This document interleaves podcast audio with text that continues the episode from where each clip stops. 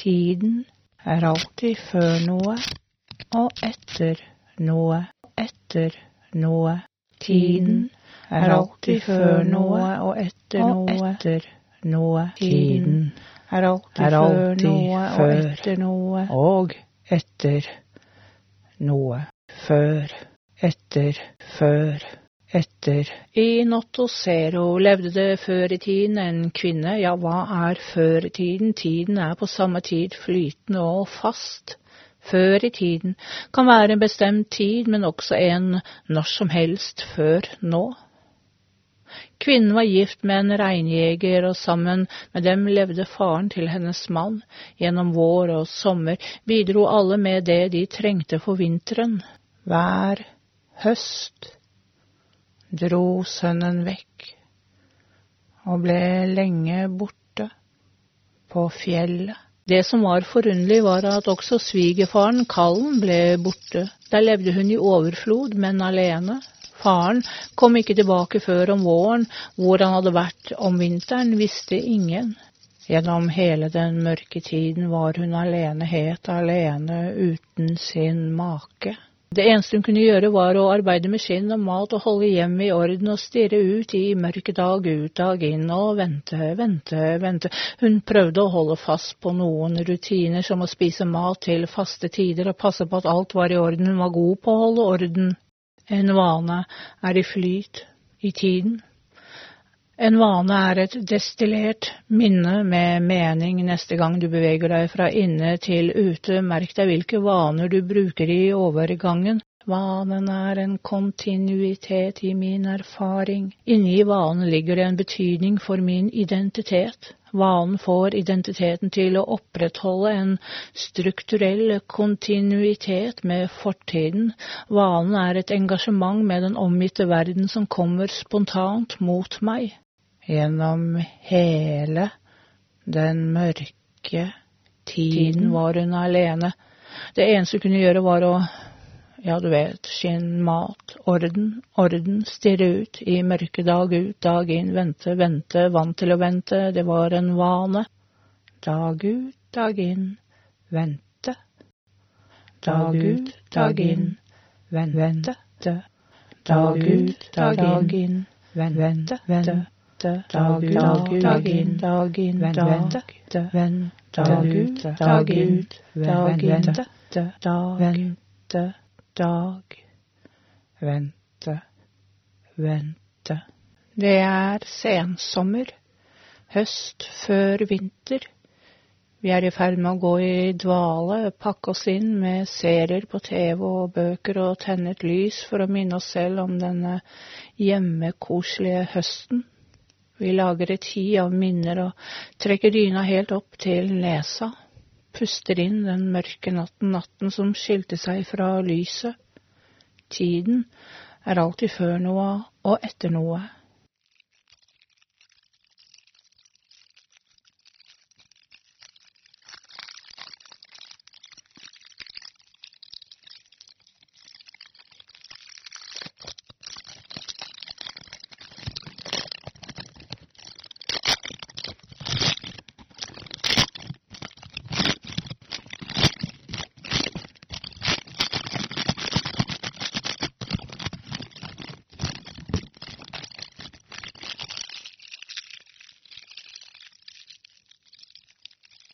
Du hører lyder jeg finner på kontoret i denne episoden.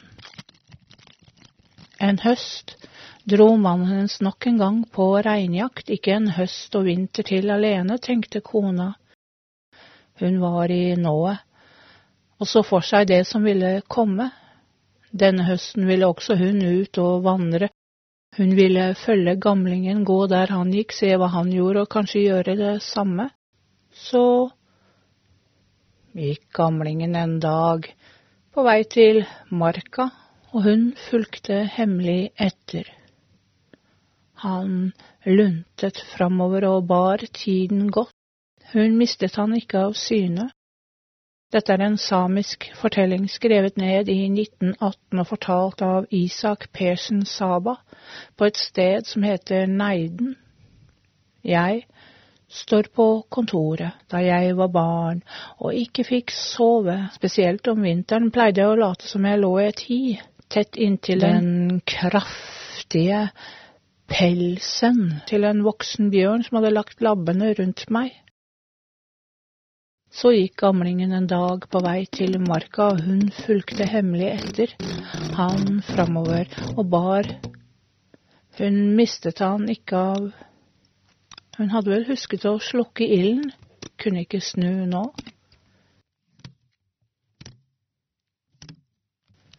Tid for forandring, endring. Et sted som ikke endres, er tidløst.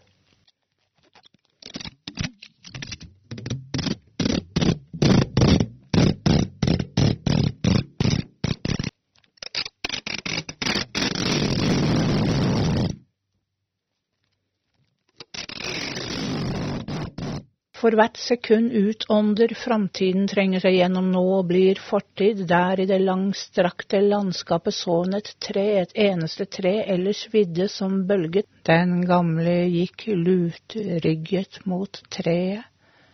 Hun gikk gjennom lyngen og mot det samme treet. Et tre har en rot i vår kulturelle bagasje. Vi har alltid latt oss imponere over treet, ikke sant? Over treet. Det er en metafor, et symbol. Å klatre i treet er som å erobre og overvinne egen fortid. Treet er et taktilt minne, fortsatt kjenner barken i håndflata, lyden av pinnen jeg knakk, knirket av en grein som bærer min vekt, en liten vind i ansiktet og raslingen av bladene, røtter som bærer, stamme, stamme som bærer, greiner, greiner som bærer, løv, løv som forvitrer i framtida. Yggdrasil er et slikt tre. Et livstre. Ved røttene er det noe som gnager, et ekorn springer opp og ned, opp og ned stammene og sladrer, gudene setter seg i skyggen av greinene og skravler, ved røttene sitter fortid, framtid og nåtid og spinner våre skjebner. Kvinnen så gamlingen gå mot treet. Han gikk tre ganger rundt og for hver gang var han annerledes, han ble til en bjørn og gikk videre, kvinnen kvakk til og skulle til å skrike, gamlingen var blitt til en bjørn, hun stoppet eget skrik, sprang til treet før det ble mørkt, hun går rundt treet og kjenner hvordan hvert steg inn i framtida bringer med seg en endring, hun ble til en brunbjørn, gikk fortsatt etter gamlingen, hun fulgte sporene og nådde ham igjen.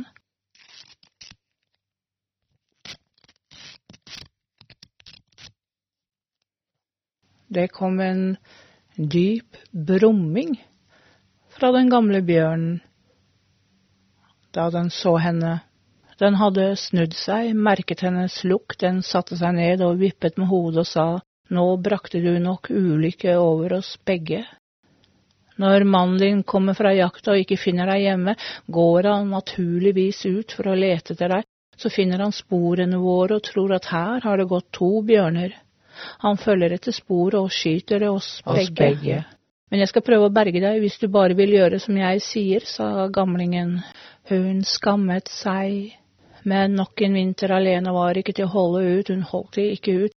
Hun kikket ned i lyngen, det brant inni henne, holder ikke ut denne ensomheten som gjør meg kald i føttene. Dag ut, dag inn, vente. Dag ut, dag inn, vente dag ut, dag inn, vente, vente. Dag ut, dag inn, dag inn, vente, vente. Dag ut, dag ut, dag vente, dag, vente, dag, vente, vente. Den gamle bjørn sa du skal gå nøyaktig i mine spor for at sønnen min skal tro at her har det bare gått én bjørn. Nå er, nå er alltid her erfaringer blir registrert i nået. Nå var hun en bjørn. Hun gikk med bøyd hode, hun lurte på om hun kunne uttrykke noe gjennom sitt nye ansikt. Hun svettet og åpnet munnen, hun husket fortellinger om bjørner, alltid en mann som var en bjørn. Å se opp var uvant, se opp, og hva ser du? De gikk da etter hverandre i de samme fotsporene. Han luntet først, og hun gikk etter i denne uvante kroppen. En kald vind Ja, vinteren var i ferd med å erobre sommerfølelsen.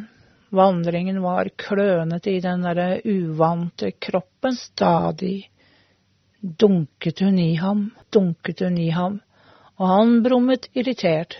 Så krøp de inn i en berghule, og gamlingen sa til henne, du skal gå lenger inn enn meg, for når mannen din kommer, tror han at det er bare én bjørn her i hiet. Jeg blir skutt, så flår sønnen min skinnet av bjørnen og brer det utover like foran åpningen.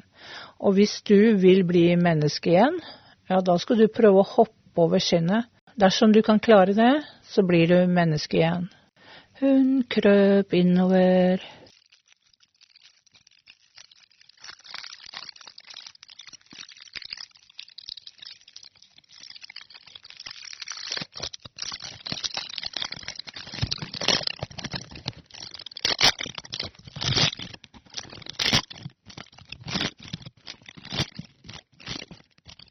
Og det var mørkt, og hun var alene. Så her lå han da, vinter etter vinter, og sov for å berge den lille familien. Mens hun hadde jo lengtet etter selskap og ønsket ikke å være alene. Nå var hun redd, og redselen gjorde henne enda mer ensom. Hun så ned på sin egen kropp. Hun hadde klør, hun kjente seg ikke igjen. Hun luktet som en fuktig fremmed. Tiden er alltid før noe og etter noe, etter noe.